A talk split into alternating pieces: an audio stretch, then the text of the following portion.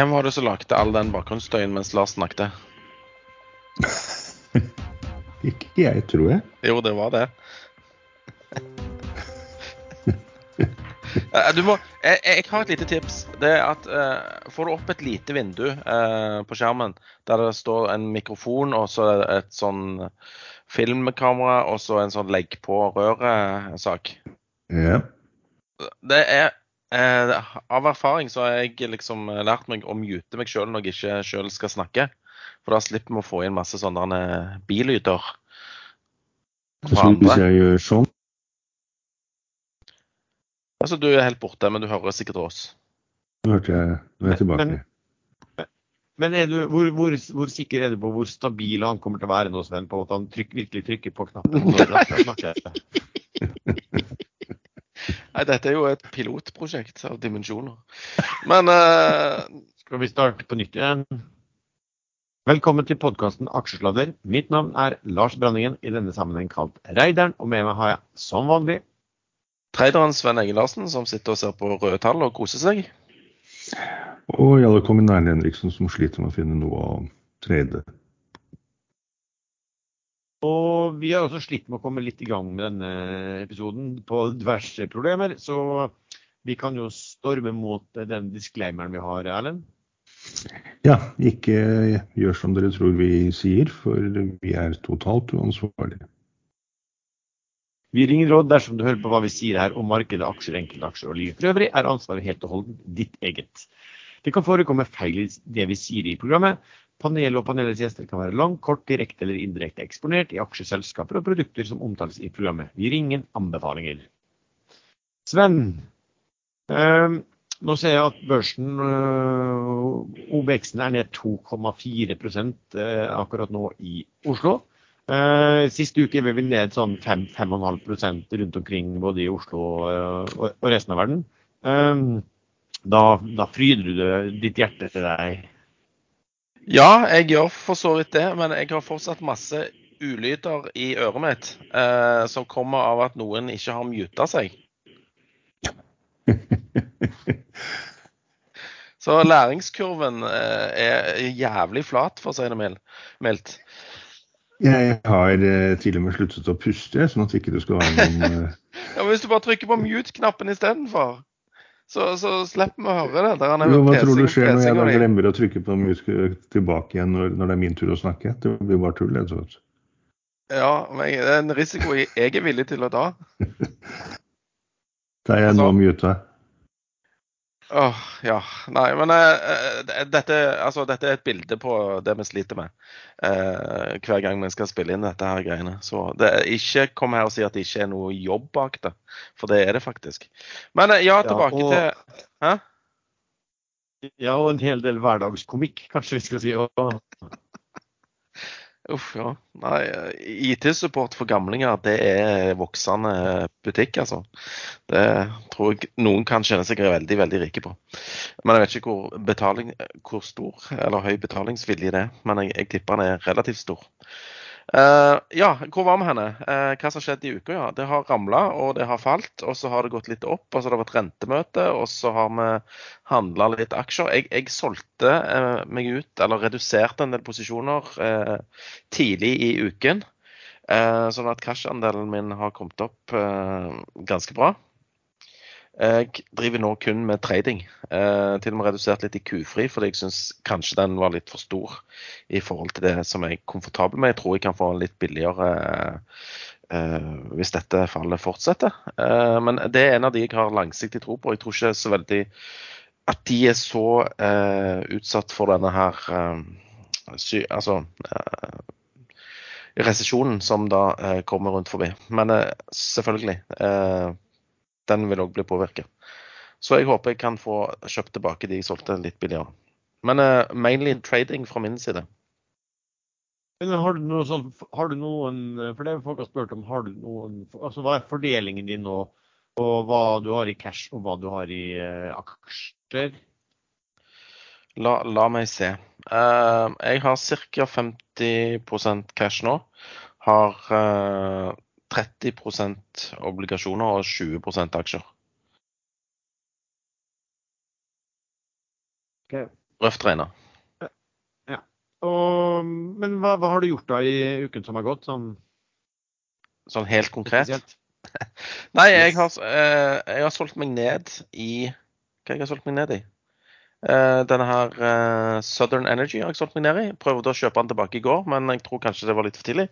Så jeg solgte litt av de ut igjen. Og så har jeg eh, i dag kjøpt Longboat Energy. De meldte om et gassfunn som uh, Sparebank1 Markets sier tar opp sum of the parts med ca. 40-60% Så den har jo den ligger ganske flatt fra close, altså opp et par prosent fra close i går. Og med det funnet så tror jeg det er lurt å kjøpe den. På 43,5 tror jeg jeg kjøpte den, og 43,1. Uh, og så har jeg treida en del Sidrill. Den har vært volatil som søren. Eh, Den var jo godt over 300, og vel oppe mot 320 under Pareto-konferansen. Ligger nå på 262,5. Eller 262,05 faktisk. Og så har jeg trada, prøvde meg på en rekyltrade i Carbon eh, Transition, men der er det ivrige selgere. Uh, og, og det er det jeg møter, føler jeg, i de fleste, spesielt av de mindre aksjene. at det er ingen til å ta uh, og kjøre rekyler. Så før funka det liksom med store fall å, å kjøpe og vente på at noen skulle komme og dra den opp igjen. Men det, akkurat som under finanskrisen, så er de kjøperne borte. Det er fond som driver og selger brett, mens det er ingen takere. Men har du kommet deg unna siste uke uten noe særlig skraper, eller? Uh, ja, jeg har tatt et lite tap i dag uh, i denne her uh? Den til Erlend. Den er en Surge Micro et eller annet. For der var det en som dumpa i går på 250, og så tenkte jeg ta imot det. Men de åpna den jo aldri igjen. Eh, så jeg fikk ikke solgt i går, så jeg måtte selge i dag med litt tap. Eh, så jeg, skal ikke klage. Jeg har eh, kommet meg uh, helskinna gjennom dette til nå, i hvert fall. Men dette her er din tid, føler du? Jeg koser meg nå, ja. Og det er sikkert dumt å høre for de som da har langsiktige penger i aksjer og, og masse fond og sånn. Men eh, når dere selger fondene deres, så må fondsforvalterne selge aksjene. Så happy days. Erlend, hva har du gjort i uken som? Ja, nei, jeg har faktisk gjort en del, men uh, stort sett bare korte klipp. Uh, en search, en, uh, der har Sven helt rett. Der er det faktisk eh, eh, ingen kjøpere nesten i det hele tatt. Og nå ser det ut som at, eh, at det er en av de store aksjonærene som muligens blir tvangssolgt. Eh, Det vil si, det er ikke en search, det er Middelborg som selger nå plutselig ganske store poster i en search. Og han har hatt over 9 millioner aksjer. Så um, hvis alle de skal ut Det går jo litt rykter på byen om dagen om at flere av disse store aktørene som gjerne har vært aksjonærer i den type aksjer også, at de sliter litt. Så med relativt stor post som gikk ut på tirsdag, det er det siste tallet jeg ser i den aksjonærlisten min. Eh, På mandag ser man da hva som skjedde på onsdag. Når han selger 400 000 aksjer i en sånn aksje hvor det kanskje er omsatt en million aksjer, da, da ramler det. Så den holder jeg meg unna, og det gjør jeg egentlig med det aller meste for tiden. Jeg har kjøpt litt i USA. Kjøpte eh, Freyr eh, tre dager, to dager på rad. Og alle tredene var faktisk vellykket, eh, men den gikk veldig mye høyere enn der jeg solgte på slutten av dagen. Så der må jeg nok lære meg litt nå i disse andre tidene at det er ikke sånn lenger at noe blir pushet høyt, og så korrigerer litt tilbake, og så går det enda høyere. Det, det er liksom ett push, og så er det ferdig. Da slutter det bare. Så jeg hadde en eh, fantastisk trade i Onkopeptides i går. eh, før jeg prøvde meg på en tredje trade. eh, og gikk en tur på kjøkkenet og lagde meg litt lunsj, og det kosta meg eh, mer enn jeg tjente på den første fantastiske treden. Så det var en dyr lunsj. Så nå har jeg i hvert fall lært at det fins ikke Det er ikke noe som heter gratis lunsj. Men har du kommet deg sånn gjennom eh, den siste uken og noenlunde eh, uskadet? Nei, eh, jeg ligger med rundt 15% tap faktisk på siste uken av hele porteføljen, og det er jo ikke bra. Men Nå som jeg har justert strategien litt, så regner jeg med at det går greit. Jeg sitter ikke over med noe som helst akkurat nå. Det, børsmarkedet er veldig rart. Veldig negativt. Uh, OK. Uh, ja, for min del så ble spørsmålet om Sven også i forhold til hvor mye cash-andel man måtte ha. Så tror jeg har en sånn det står det 7 obligasjoner, 62 cash og da noen og 30 eh, i aksjer. Men klart, de aksjene man, man sitter på, um, har jo fått seg en smell. Jeg tror de er ned sånn 8 eller et annet sånt, siden jeg hadde mye den siste uken. Siden jeg hadde mye i, i offshore. Mine tyngste har jo vært, altså Valaris har jo vært min, min største posisjon. Den gikk jo som bare juling og eh, var jo Kanskje etterpå, noen etterpåklok så skulle man sagt at mens det var eufori på Pareto-konferansen, hadde man smekka ut da, for da gikk den jo helt i 60. Den har jo falt ned igjen nå til, eh, til 50. Fortsatt i en pen pluss der, men klart, da, da, jo, da, blir jo det redusert en del i, i, løpet av uken. Samme er jo også med type sånn som SD, SD og, og Wilhelmsen eh, har jo også falt en del. Hafnia har jo falt litt tilbake, men, men ikke så mye, da. Um, så, så, sånn er det. Men ellers har jeg gjort svært lite i, uh, i markedet. Kjøpte vel litt grann i går. Uh, I starten i går Hafnia, men den har falt videre ned under det i dag. Eh, også kjøpte litt, økte litt i VSS AB i går. Um, men ellers sitte stille emisjoner og type nedsalg og sånt. Hva, hva, har vi hatt denne uken, eh, Sven? Vi har hatt emisjon i tre stykker som jeg kommer på, sikkert én til, men den som jeg ikke kommer på. Det er den Noram Drilling som skal få OTC til uh, Oslo Børs. Grøt, grøtmarkedet der. Uh, det er um, disse onshore-riggene i USA som driver og, og, borer der borte og har sett høyere dagrater. Fredriksen Gevran som uh, største eier, som òg tar sin prorata, men åpner for at han kunne ta litt mindre, eh, egentlig. og det, Jeg vet ikke om det var så bull, da. Men eh, den styrte jeg unna. skulle gjøres på mellom 40 til 45 kroner. Og, og, det irriterte meg noe sinnssykt at jeg ikke satt foran PC-en i går ca. klokken 10.00 når meldingen kom eh, på OTC. For eh, da lå det sånn ca. 13 000 aksjer til salgs på 30 kroner. Eh, så det kunne vært eh, lette 130 000 da, hvis vi hadde plukket opp de. Men som sagt, jeg har ikke tegna meg der. og så har vi hatt emisjon i Cloudberry Clean Energy i går. Kursen ble 1550. Hvor er kursen ennå? Den er vel kanskje litt under 1550. Jeg måkte de ut på Open. Ja, 1522. Han var vel ned rundt 15 blank òg en liten periode her. Men eh, der var jeg med. Jeg fikk eh, ca. 30 Hva jeg fant ut, 37 eh, tildeling. Jeg måkte de ut på Open med 20 øre i tap. Uh, megleren min i Pareto, som ellers er en hyggelig kar, uh, ble litt irritert på meg, tror jeg. Fordi at uh, jeg bare smakka det ut. Men jeg følte sjøl at det var altfor liten nedkjøpsinteresse i, i, den boka. Og det viste seg jo kanskje å stemme. så var det en i Magnora som gikk sammen med Hafslund og et annet selskap for å etablere noe sånn nord norsk sol solpark. Norske store solparker. Var det ikke det? Jo. Eh, kursen Jo, jo eh, de henta Hvor mye søren henta de, da? Husker du hvor mye de henta? Det var ganske eh, betydelig beløp eh, der òg. Uh, uansett, kursen 22,35. Uh, jeg måkte de 2200 aksjene som jeg fikk, fikk tildelt der, ut på 24,10 uh, på Ja, i går.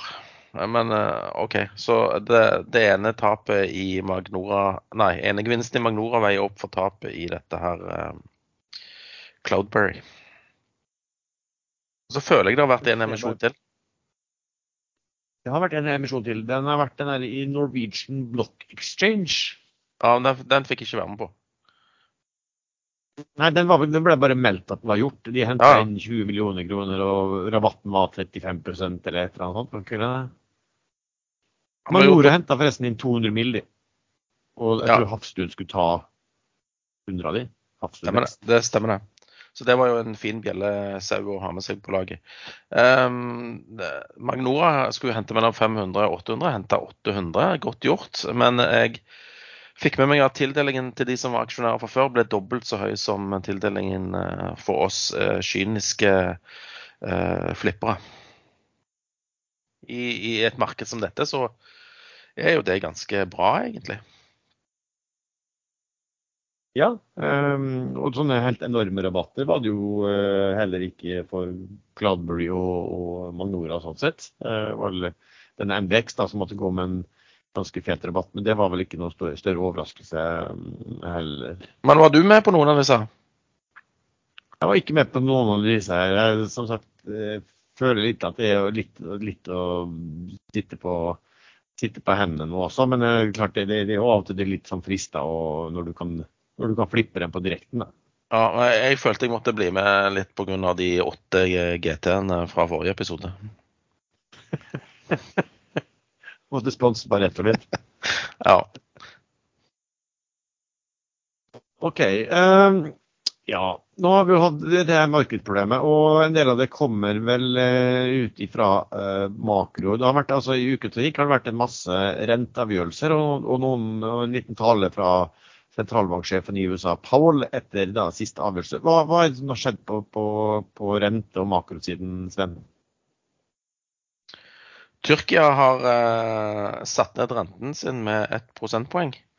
Eh, selv om de har en inflasjon på 80% Så jeg vet da søren hva de holder på med det. Men det, det var en ganske eh, rart eh, rar måte å takle inflasjon på. Vi setter ned renten. Ja da. Nei, eh, det har jo vært, rentemøter eh, over hele fjøla, både i USA, i Sverige. Sverige slo til med en økning på 100 punkter, altså et, et helt prosentpoeng. Norge økte med en, eh, en halv, som ventet. Og eh, Fed økte med 0,75 som ventet, og signaliserte vel at de ikke var ferdig helt enda. Men eh, jeg syns børsutviklingen eh, den dagen, eh, altså på onsdag i USA, var veldig rar. De kjørte jojo eh, etter beslutningen, eh, før de plutselig fant ut at nei, dette var visst ikke så bra likevel, og så solgte mot slutten av dagen, og har solgt siden. Så jeg tror kanskje noen eh, trodde at han var blitt litt mer eh, duete, men det, det hadde han ikke. Han måtte i spørsmålsekvensen gjenta at han var, hadde samme synspunkt som han hadde under Jackson Hole-symposiet. Så eh, jeg har sikkert glemt noen eh, av disse sentralbankene, men der kan vel kanskje du fylle inn, Lars? Ja, altså, eh, jeg så Sveits hadde satt opp også. De hadde ligget i minusrente til helt nå. altså Det er jo helt skrullete, det også. Men OK, de var var kommet opp på 0,5 da. Men, men det virker jo da som om USA er på mange måter i førersetet med å få satt opp rentene. Og det virker som om de er ganske, nå blitt ganske knallharde synes jeg, i sine uttalelser eh, om eh, hva, gjelder, eh, hva gjelder rente og økonomi. De, de økte vel, En av grunnene til fallet var vel at de økte rentebanen sin. Eh, det vil si Rentebanen betyr at de, eh, hvor, hvor raskt og hvor høy renten skulle gå, og ikke minst hvor lenge. For Vi har jo snakka om det husker vi snakka ganske mye om dette under rallyet i sommer. at Markedet gikk på rally fordi at de trodde at inflasjonen skulle så fort ned at Fed skulle sette ned renten allerede tidlig i 2023. Eh, nå er vel Powell sier vel helt at det er helt utelukket å sette ned noe som helst før de ser at inflasjonen er på full fart ned eh, og, og, og vil nå 2 eh, Og jeg så vel at de og, og nærmest avfeide at de kom til å sette ned renten i løpet av 2023 i det hele tatt. Um, du har jo også en sånn, jeg husker ikke hva de kaller det for, men der alle de som er medlem av Fed, de, de har en de, de, de setter på hva de tror om uh, både inflasjon og renter kortsiktig. Da, og, og, og liksom, så, så hva skulle du si, higher for longer er vel det du ser på, på den biten her. Og nå ser du jo også da at, og det er viktig, den amerikanske tiåringen, altså renten du får såkalt risikofri rente på å låne penger til ti år til den amerikanske stat, er jo på 3,7% Da har vi vel, Sven, har vi ikke da gått over at Vi har jo snakket masse om TINA, there is no alternative. Da, gått, altså, da har vel TIA eh, tatt knekken på TINA nå. TIA, altså there is an alternative. ikke sant? At du, du, det er ikke bare aksjemarkedet du kan tjene penger på. Nå, nå er du også konkurrent ved at du kan plassere pengene eh, til mye høyere rente. Hva, hva tenker du om det? Jeg tenker du er inne på noe. Eh, at eh, de store pensjonsfondene istedenfor å være i aksjer og tape penger, nå kan få risikofri rente på opp mot 4 eh, på midlene sine. Men med inflasjon høyere enn det, så taper jo de òg penger på det. Så, men ja, det er et alternativ nå som ikke var der når, for et år siden. Hva tenker du om det som skjer, Erlend? Jeg la merke til hva Tangen fra oljefondet sa. Han eh, sa offentlig til alt og alle at uh, nå var det ikke tiden å være investert i noe som helst. Nå skal man heller investere i en god middag og ta med familien ut. Uh, men han sa også at for Norges Bank er dette, eller for oljefondet så er dette helt gull, for de har mye penger som skal plasseres. Og når andre ikke kjøper, så kan de få kjøpt billig, som han sa. Nå skal man være forsiktig med å takke for billige aksjer, men sånn som oljefondet investerer, så vil jo det på sikt muligens bli bra. Altså, men det med han Tangen altså Det er ganske oppsiktsvekkende hva han faktisk sier. Han blir sitert på i Nettavisen. Han blir spurt om har du noen gode råd til folk som sitter på ekstra penger, hva bør de investere i? Og så svarer han jeg tror at over de neste fem til ti årene så vil du ikke tjene penger noe sted, sier han. Vi har hatt 25 år nå, og det er ikke slik det skal være. Det har vært veldig enkelt å tjene penger. Var, jeg mener det var nesten umulig å tape penger.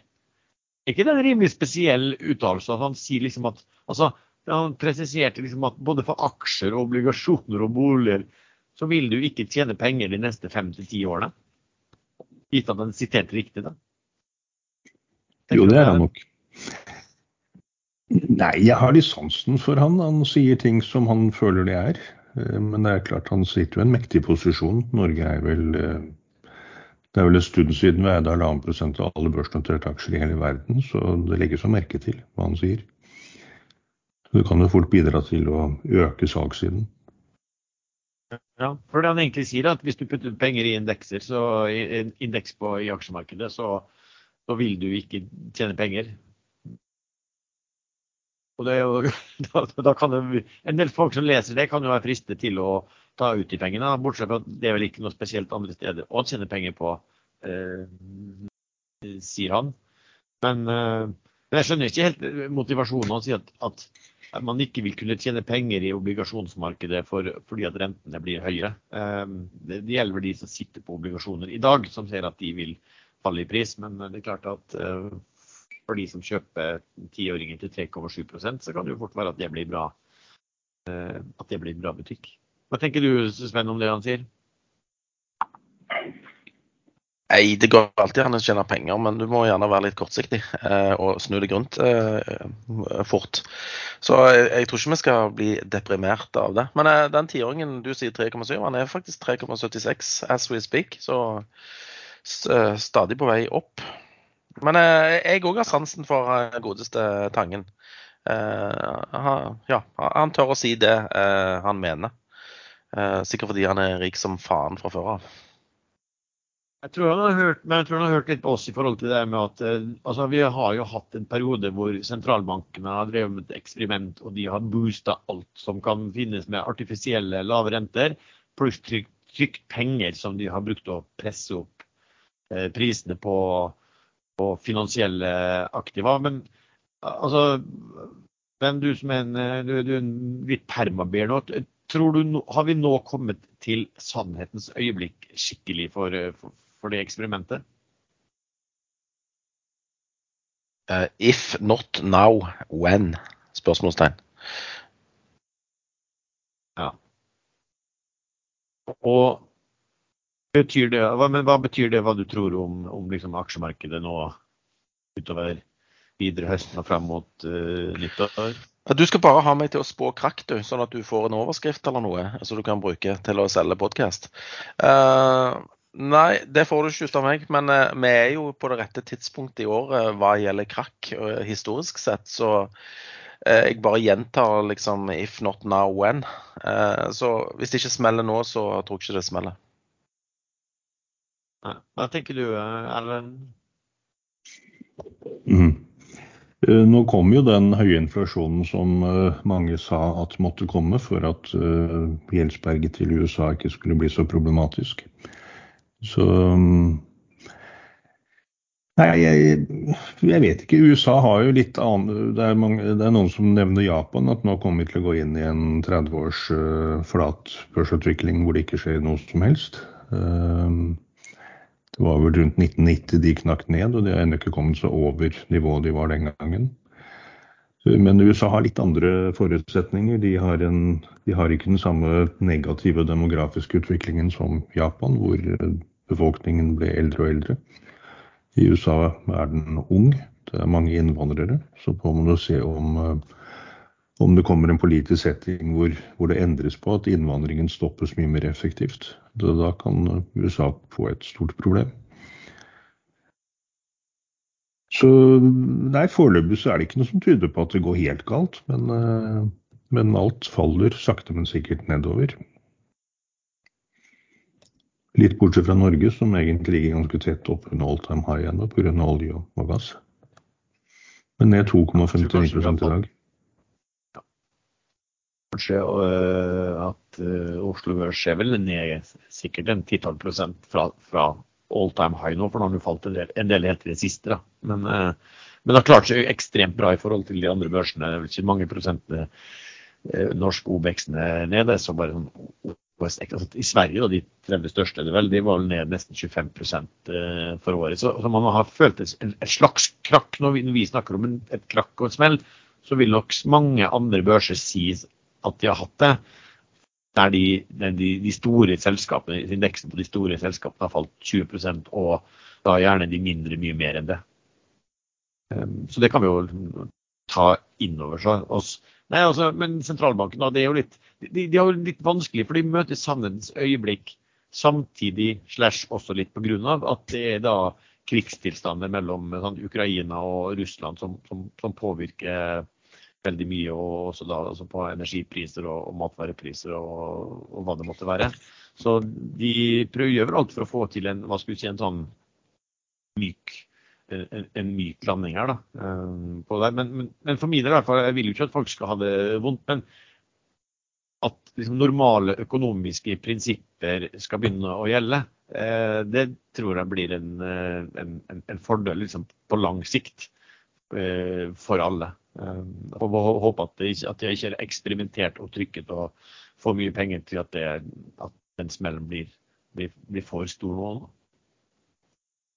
Uh, skal vi se, så har vi også ja, et selskap som vi har snakket ganske mye om. Uh, vi snakker ikke så mye om svenske selskap, men vi snakker om et som har, vi har vært inne og herja litt, og det har vært masse omveltninger og fram og tilbake på det er da det svenske bioteknologiselskapet Onkopeptides. Hva er det som har skjedd der, Erlend? Jo, dette startet jo på denne tiden i fjor, litt senere kanskje. Eh, at eh, de fikk en eh, Fra FDI i USA så fikk de en sånn safety warning. Men før FDA kunne trekke tilbake tillatelsen til å selge det produktet, så gjorde Onkopeptides det selv nå fra måneds tid siden så fikk de godkjenning for det samme produktet i Europa av EMA, eh, hvor alle som hadde stemmerett i den saken, stemte for, uten innsigelser.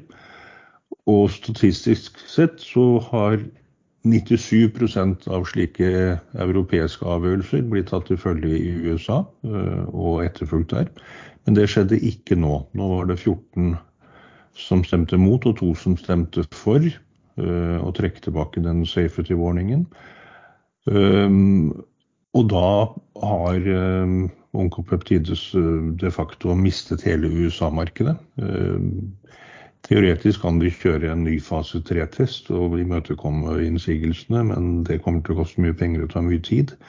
Så nå har de mistet hele USA-markedet, og det er i utgangspunktet både større og bedre betalt enn det europeiske markedet. Pluss at man må anta at en del europeiske leger ikke har lyst til å foreskrive et preparat som har fått en safety warning i USA. Så, så worst case så kan hele case rakne. Eh, men jeg så DNB var ute nå i dag og reduserte kursmålet til hele 25 kroner. Akkurat nå ligger kursen på 11,18.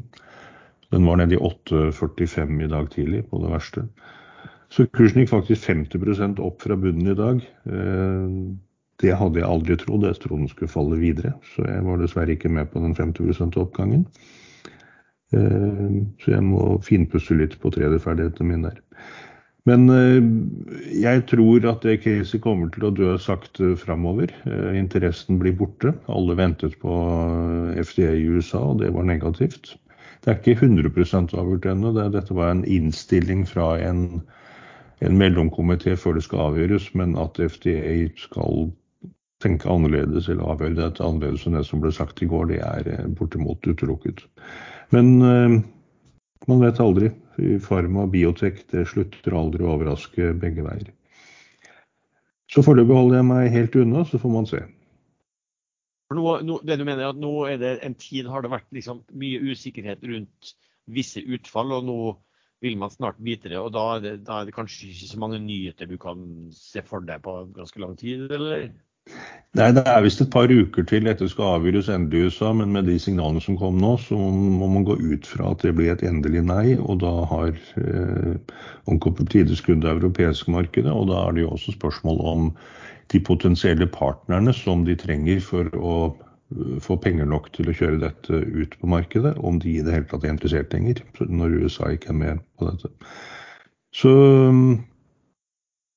ja, det, det, kommer sånne knekker i biotek, og nå har det jo kommet i det ene selskapet etter det andre. PCIB, Nano eh, Det er vel snart bare eh, hva heter dette norske, de som faktisk har et produkt som de selger.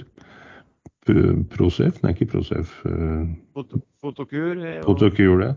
Men de har jo også falt ned til 82,50 nå, fra godt over 100. Så det er som hele bransjen har fått seg en liten knekk nå. Det har vært mange negative smeller på veldig mange selskap.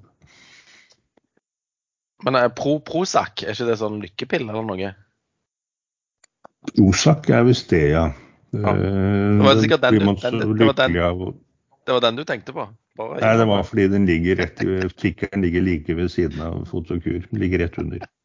I min portal. ligger rett, rett under, ligger rett under PC-en. Du vet hva en av bivirkningene til disse lykkepillene er? Det er økt selvmordstrang. OK. Ja. ja. det visste jeg ikke, men det var trist. Men, eh, men har du vondt i porteføljen, så ta deg litt Prosafe. Prosafe, ja, ikke sant. Ja. Men den er også kraftig ned 193,80 nå. Det er jo alt faller som stein her, da. Ja, det gjør det. for nå tenkte jeg skulle snakke, Vi har fått noen spørsmål også på um, oljeservice, som jo steg bratt opp helt til og med Pareto-konferansen, og så nesten, nesten kollapsa den siste uken. Altså, hva, hva, hva, tenker du Sven, om de fallene, og er det noe tidspunkt å begynne å kjøpe noe, noe av de Oh, tenk hvis jeg hadde hatt svaret på det spørsmålet der. Eh, da hadde jeg blitt rik. Um, jeg har ikke peiling. Eh, oljeprisen eh, faller. Eh, 88,30 nå på, på Brenten. Oljeaksjene faller og drar med seg oljeservice. Selv om uh, rater og utsikter ser bra ut, så vil jo en resesjon føre til mindre forbruk av olje, sånn at ting smitter over. og jeg, jeg, vet ikke. Akkurat nå så ville jeg ikke kjøpt noen ting for å holde lenge. Eh, kun for uh, trading i, i, så fall. Det må, det må utkrystallisere seg et bilde her, hvis det er lov å si. Der, jeg tror uh, Der kjøpte jeg faktisk litt oljeservice, faktisk. Det var Oddfjell Technology på 7,5.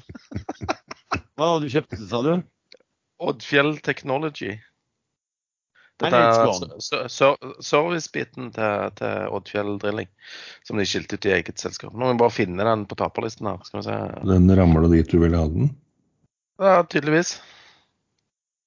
Men jeg, jeg er, ute, jeg er ute før du klarer å si Prozac.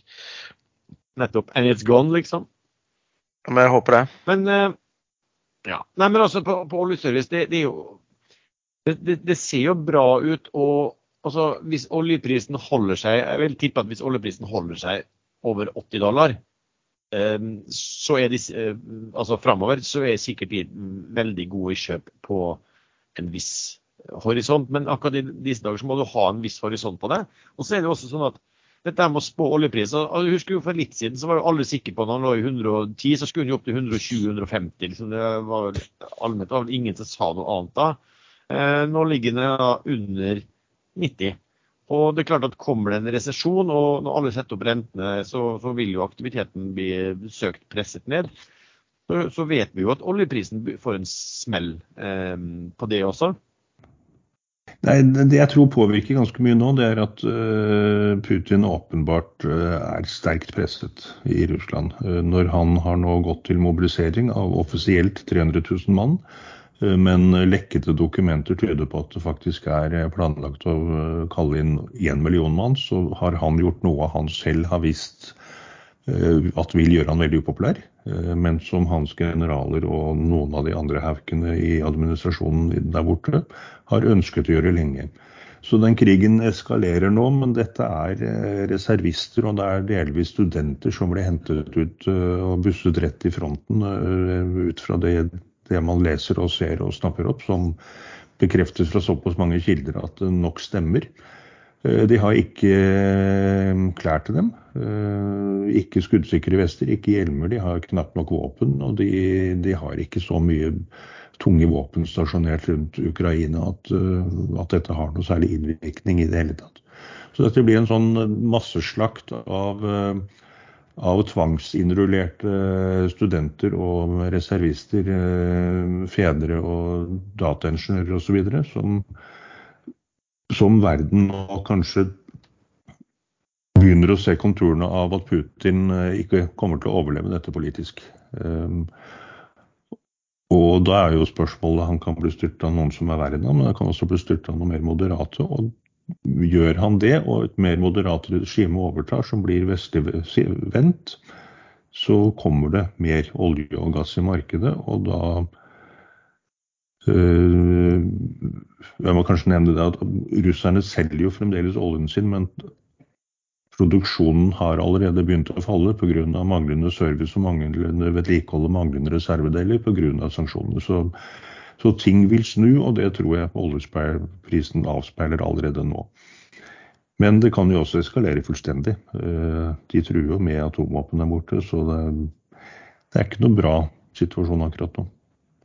Jeg så det var store protester eh, mot eh, denne her eh, generelle mobiliseringen. Da. Eh, og, ble, og, folk ble jo arrestert og putta rett inn i militæret. Er ikke sant. Så det var jo det var artig ordning. Å ja, du, ja, du skal rett inn, du.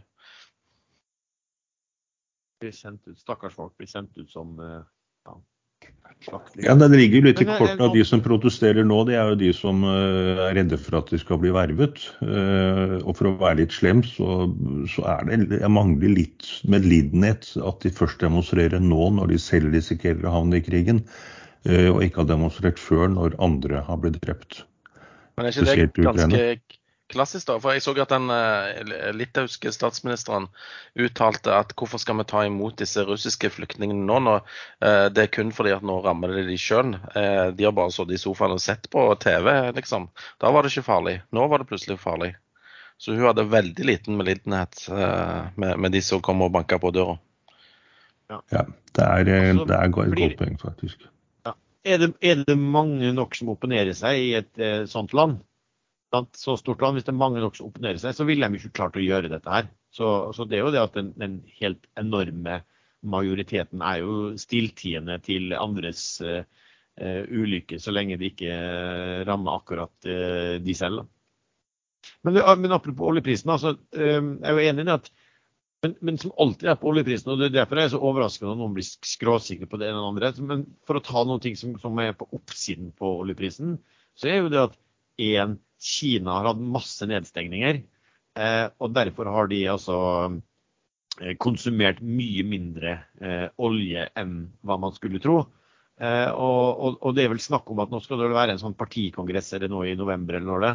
Eh, og, Nei, det er allerede midt oktober. Ja. Og da er det snakk om at etter det så kommer han eh, Chi til å slipe opp eh, disse nedstengningene som virker helt, helt gale. Det er jo én ting som, som, veier opp på oljepris. En annen ting som veier opp, og som man absolutt bør ta med seg, er jo at amerikanerne holder på å selge ut av lageret sitt. Um, og de skal vel eh, Jeg regner med at de, de, blir mindre ivrige på å gjøre det nå. Og, og, og det, det, her er, det er jo politikk eh, for, bli, for, for, valgene, altså disse mellomvalgene i USA som kommer nå i november. Eh, da er det viktig for, eh, for demokratene å ha lavest mulig bensinpris. Og derfor selger de ut av lagene sitt for å sørge for å presse prisen nedover. Men hva som skjer da i midt-november når det er gjort, når det er ferdiggjort, om de da fortsetter å selge, selge det tillater meg å tvile ganske mye på. Så Du vil alltid ha ting som både veier opp og ned. da. Um, sånn sett. Så, men altså, med hensyn til oljepris, oljeservice Nei, altså det der er så vanskelig. Når, når er det riktig timing? Det er vel alltid sånn på den type selskap at du Treffer du timingen på det, så, så kan du gjøre det um, veldig bra. Uh, jeg så at en, en, storbank i Australia, AZT tror jeg det heter, de var ute med en analyse eh, av Kina og mente at Xi ikke vil slippe opp covid-restriksjonene etter, etter, at han blir gjenvalgt. Så det er mye usikkert akkurat nå. Og der gikk oljeprisen under 88. Og trekker da sikkert med seg videre Veksten er 2,9 nå. Det er et sånn interessant spørsmål som er vanskelig å vite, er jo da hvilken oljepris Altså hva er egentlig disse oljeselskapene og oljeserviceselskapene? Hvilken oljepris er de i dag priset til, på en måte? Eh, men det er vel noe som er vanskelig å regne fram, i hvert fall for oljeservice. da, Enklere for, for eh, oljeselskapene. Uh, I den forbindelse har vi faktisk fått spørsmål om Solstad Offshore. Um, der Finansavisen for litt siden skrev at Jon Fredriksen holdt på å kjøpe bankgjeld. Bank, de er jo ganske enorm, for å si det sånn, bankgjeld. Og Jon Fredriksen uh, kjøper den. Hva, hva er det han tenker da, tror du, Sven? Jeg tror ikke han tenker det hele tatt. Nei da. Uh, han tenker nok at eh, bankgjelden har pant i fartøyer. Så hvis ting går belly up, så får han fartøyet eh, istedenfor penger. Så det, men han, vel, han, var vel stor aksjonær der tidligere, så han kjenner jo selskapet. Han solgte seg vel ut. Ja, jeg tror kanskje han har noen konvertible der Okay. Men, men, uansett, bank, bankgjelden er, er, er, annerledes enn obligasjonsgjelden, som er usikker. Men jeg vet ikke hvor mye obligasjoner det er i det selskapet eh, nå. Men eh, bankgjeld er sikra, så da ja, hvis han får det billig nok, tror du nok det er kun en finansiell eh, investering. Og det, men det hadde vært veldig interessant å vite hva han betalte. Altså Hvor mange prosent av pålønnet på det lånet er det faktisk han, uh, han betaler? Ja, kanskje du bare ringer han og spør? Jo, jeg skal ta, gjøre det etterpå, så klipper jeg bare rett inn i episoden der. Flott. Ja. Eh, og så blir det spørsmål da om eh, Solstad. også et spørsmål. Kan man eh, en som tydeligvis ikke er så veldig positiv, tror jeg, men han skriver kan man regne hjem caset selv i de mest positive scenarioer. Uh, ja, altså jeg satt og så litt på disse, disse her ulike Bruker å lage meg litt sånn regneark basert på første halvår. Ja, det er klart man kan regne fram eh, veldig gode tall for Solstad Offshore. For de er jo så ekstremt eh, giret og hvis markedet fortsetter å være i bedring.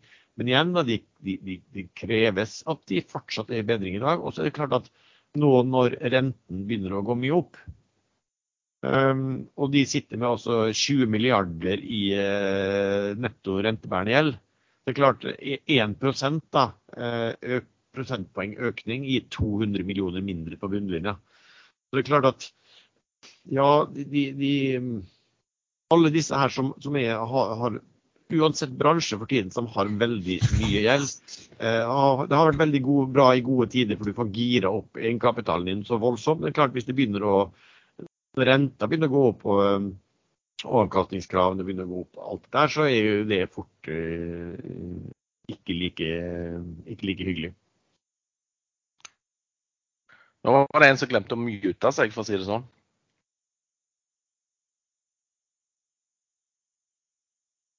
Og, og, Det kan ha vært meg, Um, men eh, hva er det du hørte nå av lyder da? Nei, det er bare generell, generell romstrering.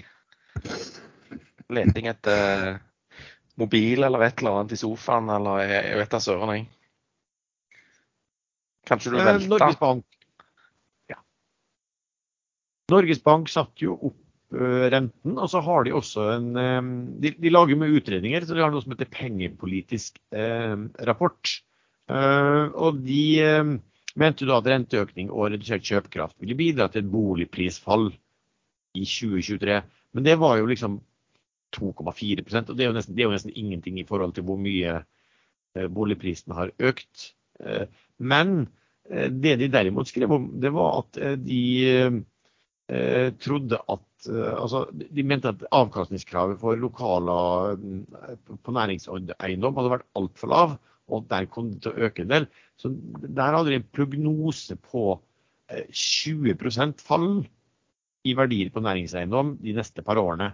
Og jeg så også det var Handelsbanken det har kom kommet og som tippa også at verdien på næringseiendommer skulle ned eh, 25 Hva, Hvilke følger for det? Er det noe spesielt da, ut fra den tanken når man skal følge med på, på børsen, eh, Sven? Ja, hva kan det være? Det kan jo være de som har lån, gitt disse næringsbyggeierne lån med pant i eiendom. Kanskje de må foreta noen tapsavsetninger? Ikke vet jeg. Jeg skulle hatt vår venn eh, Dag Jørgen eh, fra en konkurrerende eh, podkast til å svare på det spørsmålet. For jeg, min eh, kompetanse på næringseiendom er veldig begrensa.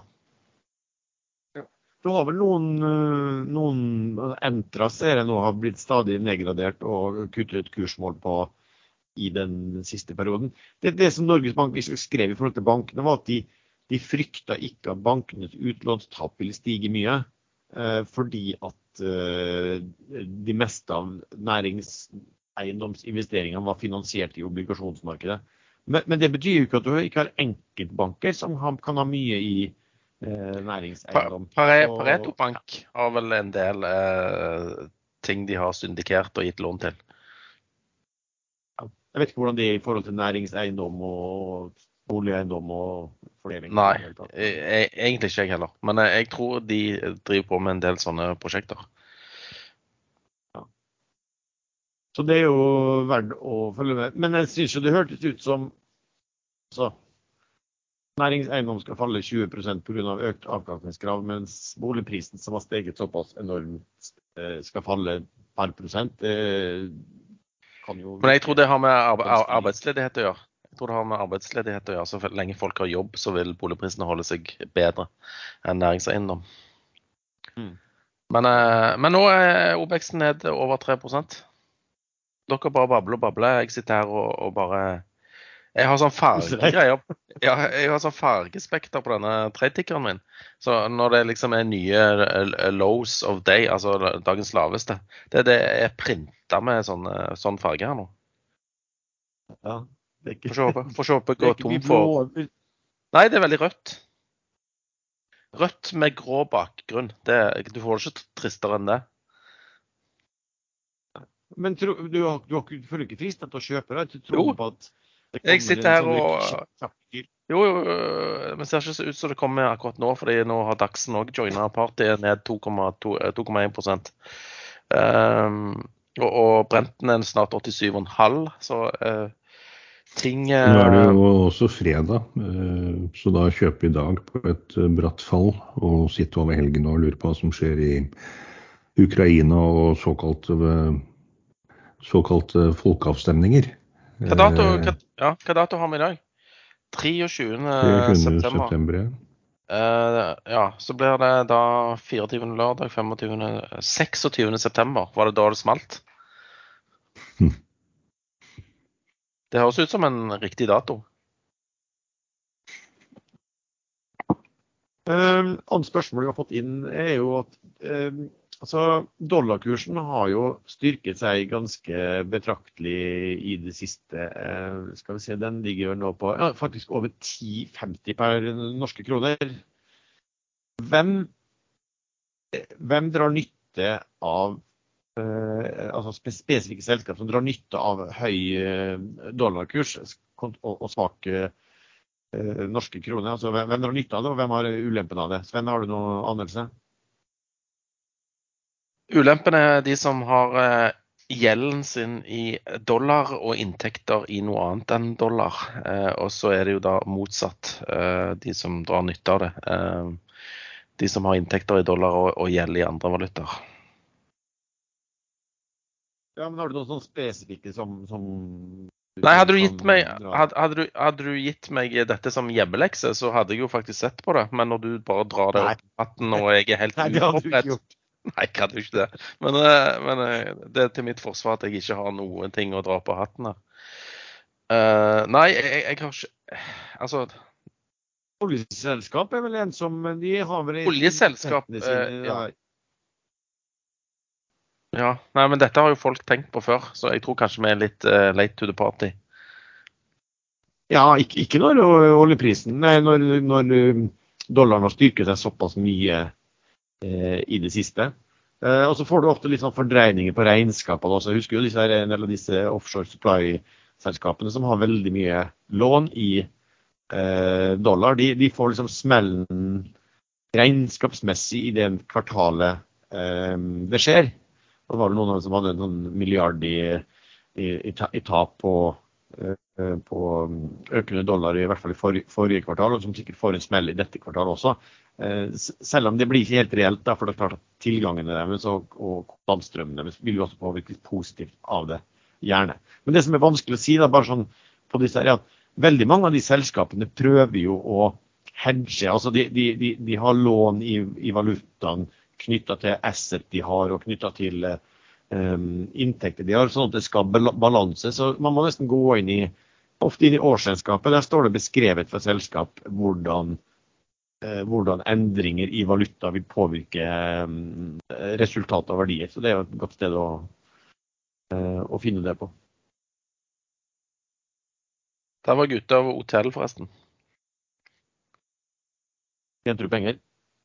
Jepp. En uh, eh, 45 øre. Uh, vi er også i slutten da, av uh, ja, en uke igjen av siste um, kvartal. da begynner det å nærme seg profit warning-tid også. Tror du vi får mye av de, Sven? Ja, det er jo lov å håpe. Uh, when it rains it pours. Så ja, det, begynte jo så vidt med profit warnings for Fedex og sånn som hadde avvikende regnskapsår. Så hvis nå økonomien kjølner så mye som det ser ut som man gjør, så skal vi ikke se bort ifra at, uh, at du får litt profit warnings framover. Det er veldig mange ja, som har kanskje guidet litt av Jeg vet ikke hvordan det er. Det, men jeg vil anta at kanskje den, den analytikeren er overoptimistiske. Men uh, de, de, bruker jo som kjent også å dytte ned sine estimater. De må begynne å nærme seg regnskapene også, så det er ikke så godt å,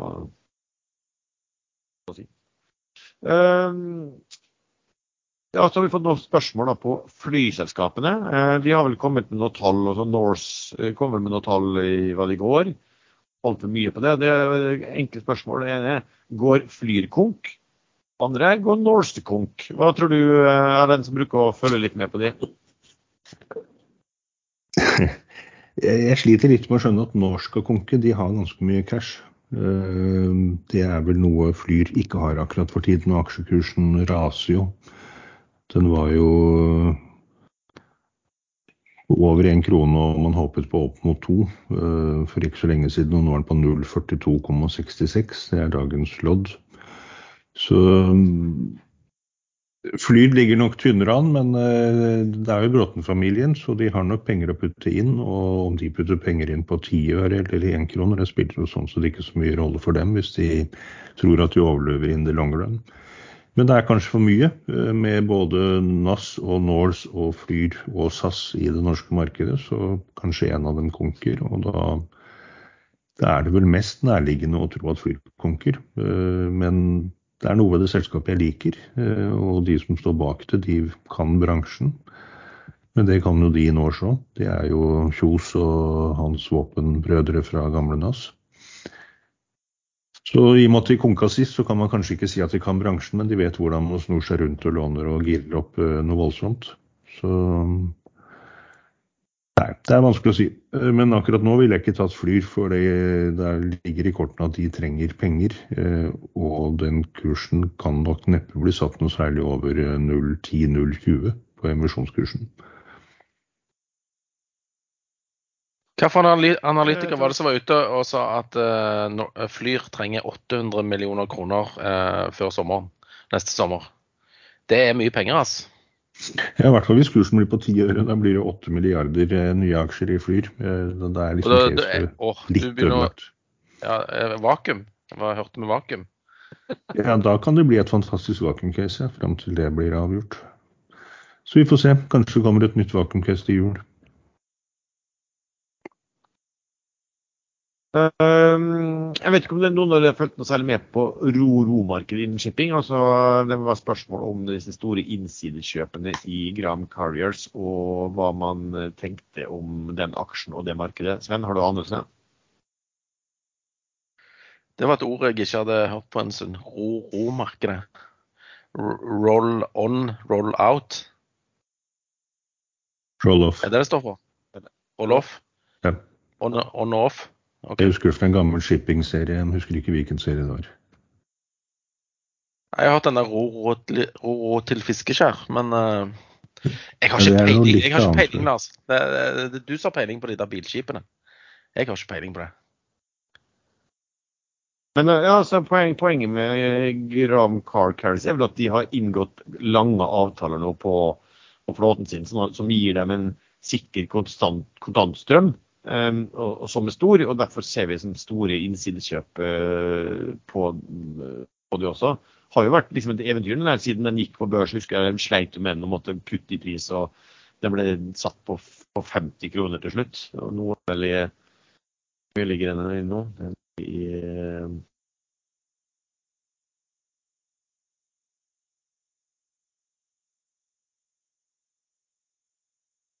uh, Carl Cash. Jeg ligger i 148 kroner i dag. Eh, mens børsen har falt voldsomt i dag, så den er så den opp 3,7 i dag. Og var, i, var vel i går også I går var den litt ned, men den var tidligere i uken så var den opp 14 den ene dagen. Så den har, har steget ganske kraftig. Men det er sånn sagt masse store innsidekjøp, og det er vel da fordi at de, de kan se at kontantstrømmen blir bra framover her. Så har du jo da um, Høg Autoliners i det samme segmentet. Eh, som vel ikke hadde samme utvikling, sånn sett. Og så har du også Valenus Wilhelmsen, som absolutt ikke har hatt samme utvikling. De har falt mye siden kvartalstallene, men, men, for det sistnevnte så har jo de også en ganske stor en logistikkdel.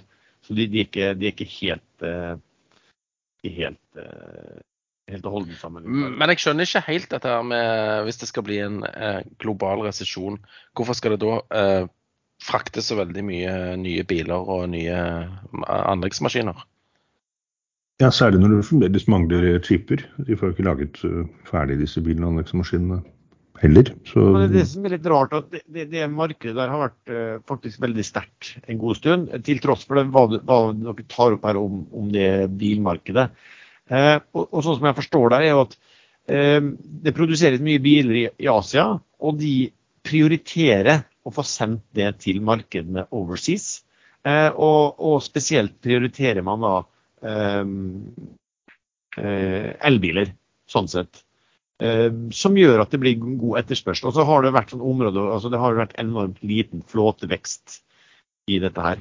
I tillegg ja, til Roro så har du også sånne tunge kjøretøy også, da, som, som eh, fraktes den ene og den andre veien på det. Så, så, så, det er vel litt sånn at det er vel deler av markedet som krever spesielt mye eh, kapasitet, av shippingkapasitet. Eh, sånn som jeg forstår det. Men, men jeg, jeg skjønner at man stusser over det. og stusser jo litt over det sjøl også, hvordan de, de tallene blir, vil være i en, i globale global økonomi med nedgang. Men som sagt, bil har jo hatt, hatt det tøft siden, helt siden uh, før, uh, covid. Uh, også skal vi se spørsmål Jeg har fått spørsmål om, om TGS-oppkjøpet av uh, Magesveis. Men du kjenner vel litt til Magesveis? Har du noe, noen kommentarer til det? Som venta så uh, ville TGS slite med å oppnå 90% akseptgrad, som var et av uh, vilkårene for oppkjøpet. Så de gjorde det som markedet egentlig hadde forventa. De gikk ned til uh, to Erlend, mute.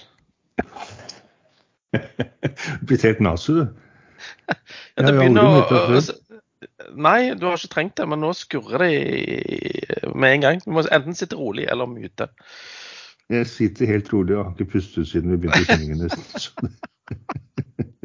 men jeg muter. Ja, markedet eh... Hva sa du? Nei, så bare kom en melding om denne price guidance, men det hadde vel du kanskje klart for deg allerede i denne Noram, at de har nå sagt at den vil den, de, har en, de, har vel bare en, noen investor calls igjen, denne drillingselskapet, og så price guidance er 40 kroner per aksje.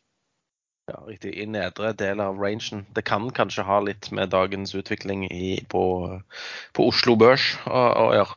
Men uansett, tilbake til Magsize. De gikk eh, de senka dette vilkåret sitt uh, på akseptgrad fra 90% til to tredjedeler, altså 66,67% Og der er de allerede over. De meldte vel 73 eh, eller noe sånt i går, og da går det igjennom. Men om de tar det av børs, det er jeg litt usikker på. I og med at det fortsatt er folk som da vil eie 25% pluss, eller 20% pluss. De kan jo, altså, du eier to tredjedeler, så kan du jo, når du måtte ønske det, så kan du jo bare eh, fusjonere selskapene også.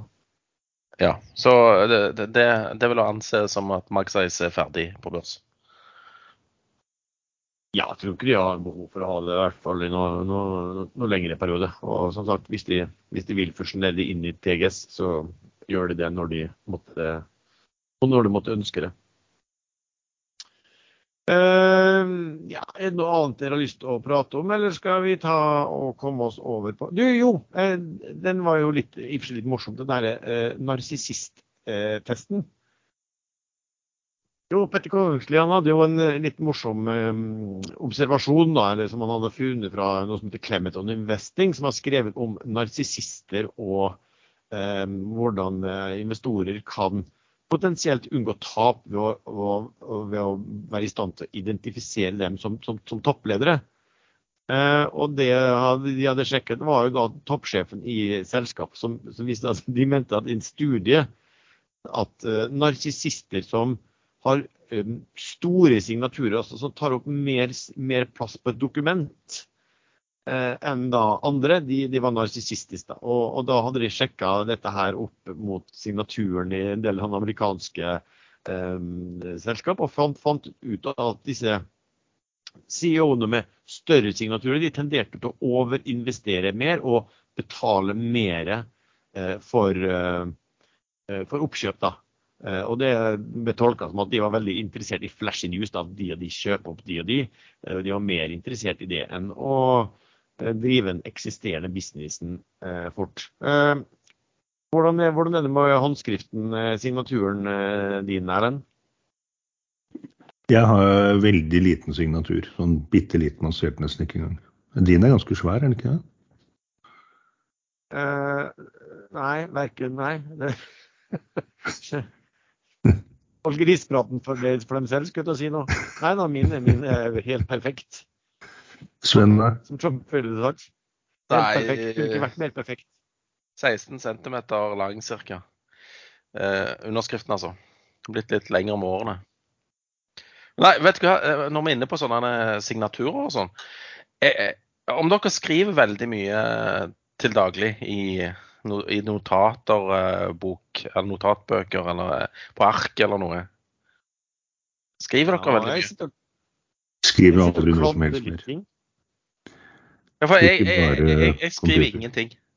Altså, jeg husker når jeg gikk på skole, så tok jeg òg sjelden Altså skrev veldig lite notater. Men uansett nå, da, de siste jeg vil tippe 20 årene, har jeg nesten ikke skrevet noen ting med penn.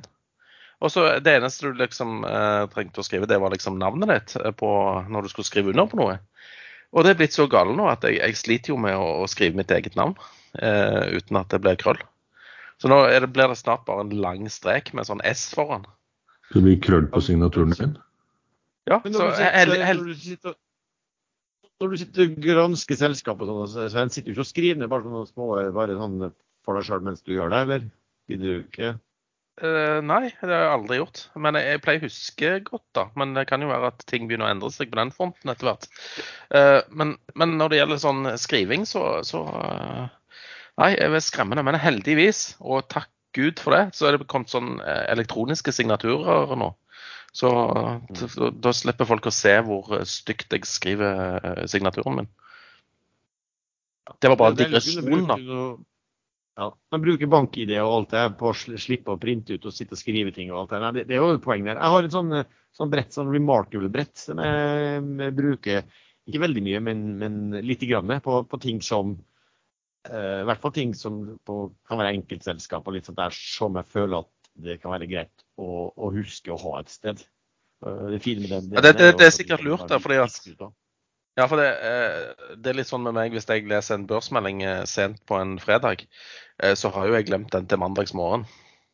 Ja, for, men for min del er det kanskje mer sånn type sånne det husker dere, men mer type sånne regnestykker altså, som jeg bruker å snakke om her. Jeg bruker å se på investeringsselskap og regne Nav og alt der. Det er jo greit å slippe å begynne fra starten hver gang. ikke sant? Du, du, du Ja, sånn men- men- men det sli- Det, sli- det slipper jo jeg, for det, du har jo allerede gjort det. Ja, Nettopp. Greit. Men eh, sånne gule Post-It-lapper de har man jo på både iPhone og på computeren, Mac-en også. Så man trenger ikke å skrive lenger. Og de er jo mye enklere å hente opp. Det jeg skriver på Mac-en min, det kan jeg hente opp på iPhone eh, når jeg står i butikken og skal pinne handlelisten min. Så jeg bruker aldri penn og papir lenger, bare det Jeg har heller aldri brukt handlelister. Jeg har liksom huska det jeg har eh, eh, skulle kjøpe. Men du har ikke en gammel mor du skal handle for. Nei, det, det er jo trist, det, da. Ja, det var ikke meningen å, å Takk for at du rippet, rippet opp her. Det er livets naturlige gang, det, Sven. De gamle skal dø. Det er verre når barna dør. Ja, Men det er jo litt merkelig at du fortsatt har en mor som du driver og handler inn til. Ja, men hun er det- eh, gammel òg. Veldig Ja, gammel. ja. Du får hilse fra gjengen Jeg skal gjøre det.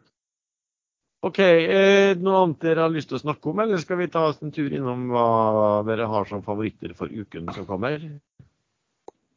OK. Sven, få høre. Uh, ja, Uh, det, det var vanskelig. fordi altså, Nå faller det jo som bare søren her. Uh, og da å gå long noe, det er jo risikosport. Så min favoritt tror jeg må bli eh, tørt krutt. Hvis du er med på den. Altså ha penger å, å, å kjøpe for når, når eller hvis det faller enda, enda mer. For på et eller, annet, et eller annet tidspunkt, og kortsiktig, så er det mulig å, å gjøre gode penger på å, på å finne bunnen. Nå er det ganske vanskelig å finne bunnen, men klarer du det, så blir du belønna eh, på en hyggelig måte. Så hold eh, krutt, kruttet tørt. Det du ser etter, du ser etter overreaksjoner? eller det, eh, Ja, sånn, det- enkeltdager? Eh, men òg Det som eh, alltid kommer først tilbake, det er kvalitet. Så Ikke rot dere inn i sånne en surge micropower som jeg prøvde på i går. For der vet du ikke helt hva som skjer. Der er det noen som sitter nærmere eh, grøten enn en, en, en sjøl. Eh, så hvis det er kvalitet, så faller type OBX-aksjer, type seriøse oljeservice, oljeselskaper som ikke er OBX. Eh, ja, banker eh, og sånne ting har en tendens til å hente seg fortest inn igjen. Så det blir, altså, det, dette blir jo liksom helle mer bensin på dette SMB-bålet som eh, brenner, og, og det er ingen kjøpere. Men det kommer ikke til å være noen kjøpere der på mandag heller, liksom. Så det kommer til å være kjøpere i de store, solide navnene. Men kan jeg spørre, Hvis du ser nå en aksje der du er ganske overbevist om at den på ja, seks måneders tid da, vil ligge betydelig høyere enn eh, en nå, Kjøp, vil du da gå inn og kjøpe det nå? Eller vil du sitte Nei, det den kan få billigere? Ja. Det var derfor f.eks. jeg eh, reduserte i, eh, i denne her Q-fri. Nesten halverte posten min, for jeg tror jo at den ikke er immun mot, mot nedgang. Jeg, jeg har tro Eh, på den eh, på et års sikt, eller enda lenger egentlig, hvis de bare gjør det de har lovet. Eh, men jeg tror jo at det går an å få tak i aksjene billigere, og jeg hater å sitte og se på og tappe penger på, på long-posisjoner. Det er noe av det verste jeg vet. Det og koriander er vel noe av det verste tingene som finnes i denne verden.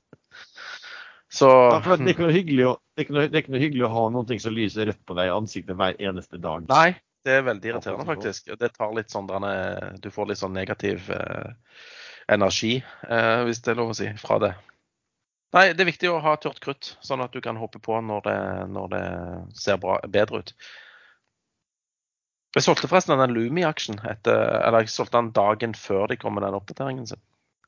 Så det var litt uflaks. Erlend, hva har du? Akkurat nå har jeg ingenting. Jeg er ute av alt. Eh, jeg kommer kanskje til å prøve meg på en tre til i Freyr i USA når de åpner, men den har steget to dager på rad. Eh, den ligger på rundt 15.37, eh, rundt nøyaktig det slutten på i går. Den var oppe i 16.50 nesten. Og de har fått et kursmål fra en av de store bankene i USA på 26, men med Blue Sky-scenario på 60 dollar.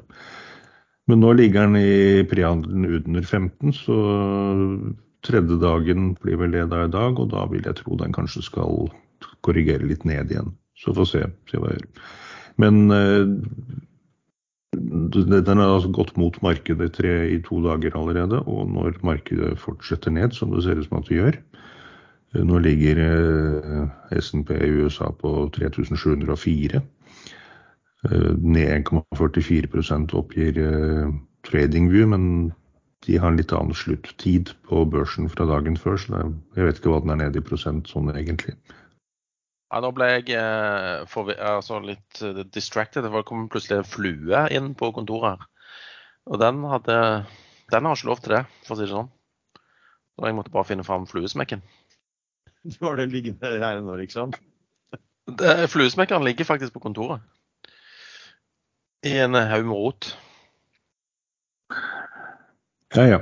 Men sånn tilbake, den Oncopeptides den tror jeg kommer til å holde meg unna. Den var opp på 12,47 etter at den var nede på 8,52 like etter åpen, så det var jo fire kroner opp.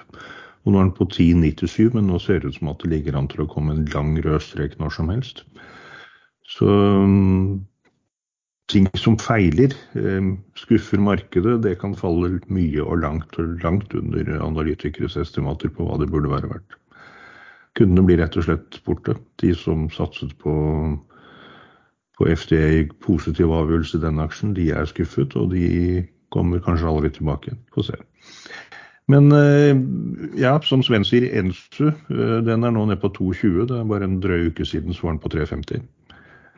Så det går jo det ser jo ikke bra ut. Og det, er ikke der kjøperne kommer løpende til eh, hvis markedet snur opp igjen. Det kommer kanskje etter hvert. Så jeg er veldig avventende. Eh, prøve å tape minst mulig penger på dette her, og så prøve på et klipp innimellom. Jeg har jo veldig lyst på sidrill, men eh, der er det fremdeles mange millioner aksjer i overheng hos ufrivillige aksjonærer, og det er ingen som ser ut til å ta noen blokker derfra. Så den er det bare å avvente. Nå ligger den på 2,55. Uh, eh, jeg òg ser på den, faktisk. Men eh, som du sier, jeg forstår ikke hvorfor det ikke er høyere volum i den aksjen der, hvis den er så billig som folk sier den er. Ja, ikke sant. Jeg forstår ingenting. Men uh, det ryktes jo, eller Fredriksen har vel allerede meldt at han eier over 7% av Valaris, og Sidril CEO var vel ute og sa at de de nå ser på muligheten for å kjøpe opp andre selskap, fordi de mener at de fleste drillselskap er eh, for lavt vurdert. Og da kan det jo kanskje ligge litt i kortene at Sidrill lukter på Valaris, i og med at Fredriksen er storeier i Valaris og Per i dag så eier han ingen aksjer i Sidril, men han har en opsjon på å kjøpe 5% av totalt antall aksjer. Så drøye 2,5 millioner aksjer. Det er 50 millioner aksjer der nå. Og da er det som kan kjøpe for 50 millioner dollar. Eh, men det er liksom, det, det tror ikke det er noe hast. Sidril trenger ikke penger nå. Eh, de har akkurat solgt noen rigger, de pengene kommer snart inn på konto. Og da er de, hvis de velger, så kan de være tilnærmet gjeldfri, men det, det er vel kanskje mer naturlig i et Fredriksen-selskap, som man vel må kalle det ennå, at de istedenfor å redusere gjelden, heller øker gjelden kraftig og kjøper opp f.eks. Valaris. Og da kan det kanskje løse seg litt simultant at disse ufrivillige aksjonærene på en eller annen måte løses ut i en sånn deal, og da kan det bli interessant. Det tror jeg er drømmenes verden, det du sier der. Altså, Valaris er jo eh, kjempesolide i forhold til Sidril, og Eh, Valaris har en markedsverdi som er tre ganger høyere enn Sidril. Så eh, jeg tror ikke den, den, den, lille aktøren vil eh, kjøpe den store i så fall. Da, da blir jo det en transaksjon som går motsatt vei. da. Eh, men jeg tror nok at, eh, at det kan godt være at begge selskapene kan synes det er bra, gitt at, gitt at innbyrdes prisingen blir korrekt. da. La oss heller kalle det en fusjon da, mellom de to selskapene, hvor Fredriksen kom ut av det. Ja da, og det, og det kunne godt skjedd også. Eh, men jeg vil jo tro sånn som, sånn som verden er nå, så eh, er det kanskje vanskelig fordi at de aktørene som er kjempesolide, sånn som Valarit som jo ikke altså, De har jo nett cash i forhold til de andre riksselskapene som er høyt belånt, og Syder er høyt belånt. Da vil jo du alltid at det skal telle eh, mye mer. Da. Så det kan være en grunn til at ting eh, ikke har blitt, eh, har blitt, gjort. Det. Men eh, ja, det er alltid, alltid sånn at de, alle selskapene mener at de selger eh, mer, mer, verdt enn de andre, sånn relativt sett. Um, ja, Var det noe annet eh, Erlend, du hadde å komme med? Det kan være i og med at veldig mange spør ofte om shipping. Der er nå registrert at LNG, som som man intuitivt må tro at kommer til å gjøre det kjempebra, eh, fordi Tyskland ikke får gasslinjen fra Russland, og nå skal starte opp fem LNG-mottaksstasjoner. Eh, de begynte å bygge én eh, forrige uke, og den er ferdig allerede i desember. Og så kommer det én til i løpet av vinteren, og tre til før neste vinter. Men det kommer også mange nye LNG-skip eh, som kommer i 2023, og analytikerne mener at det antallet som kommer, vil overstige økt etterspørsel. Så det er allikevel ikke LNG det store pikket akkurat nå. Så shipping eh, Der holder jeg meg fremdeles unna, for jeg skjønner, skjønner ikke. Og det er det ikke så mange andre som gjør heller, bortsett fra de som sitter veldig tett oppi og får info før alle andre. OK. Uh, ja. For min en, en jeg kan nevne som har bare vært rar i, uh, i denne uken, her, er jo Navamedic.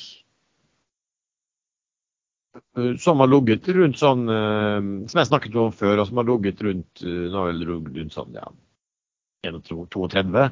Eh, plutselig steg den på, på onsdag steg den 8 og i går steg den nye 10 og så ned da 7 i dag.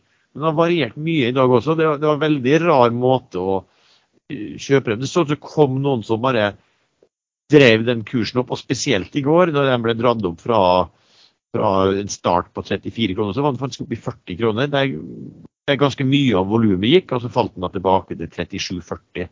I dag har den jo da falt ned blitt pøst ut, var ned på 31-tallet, og nå er den vel på, da, på 34,90 i dette øyeblikket. her. Så, så i hvert fall den har jo en pen eh, avkastning der.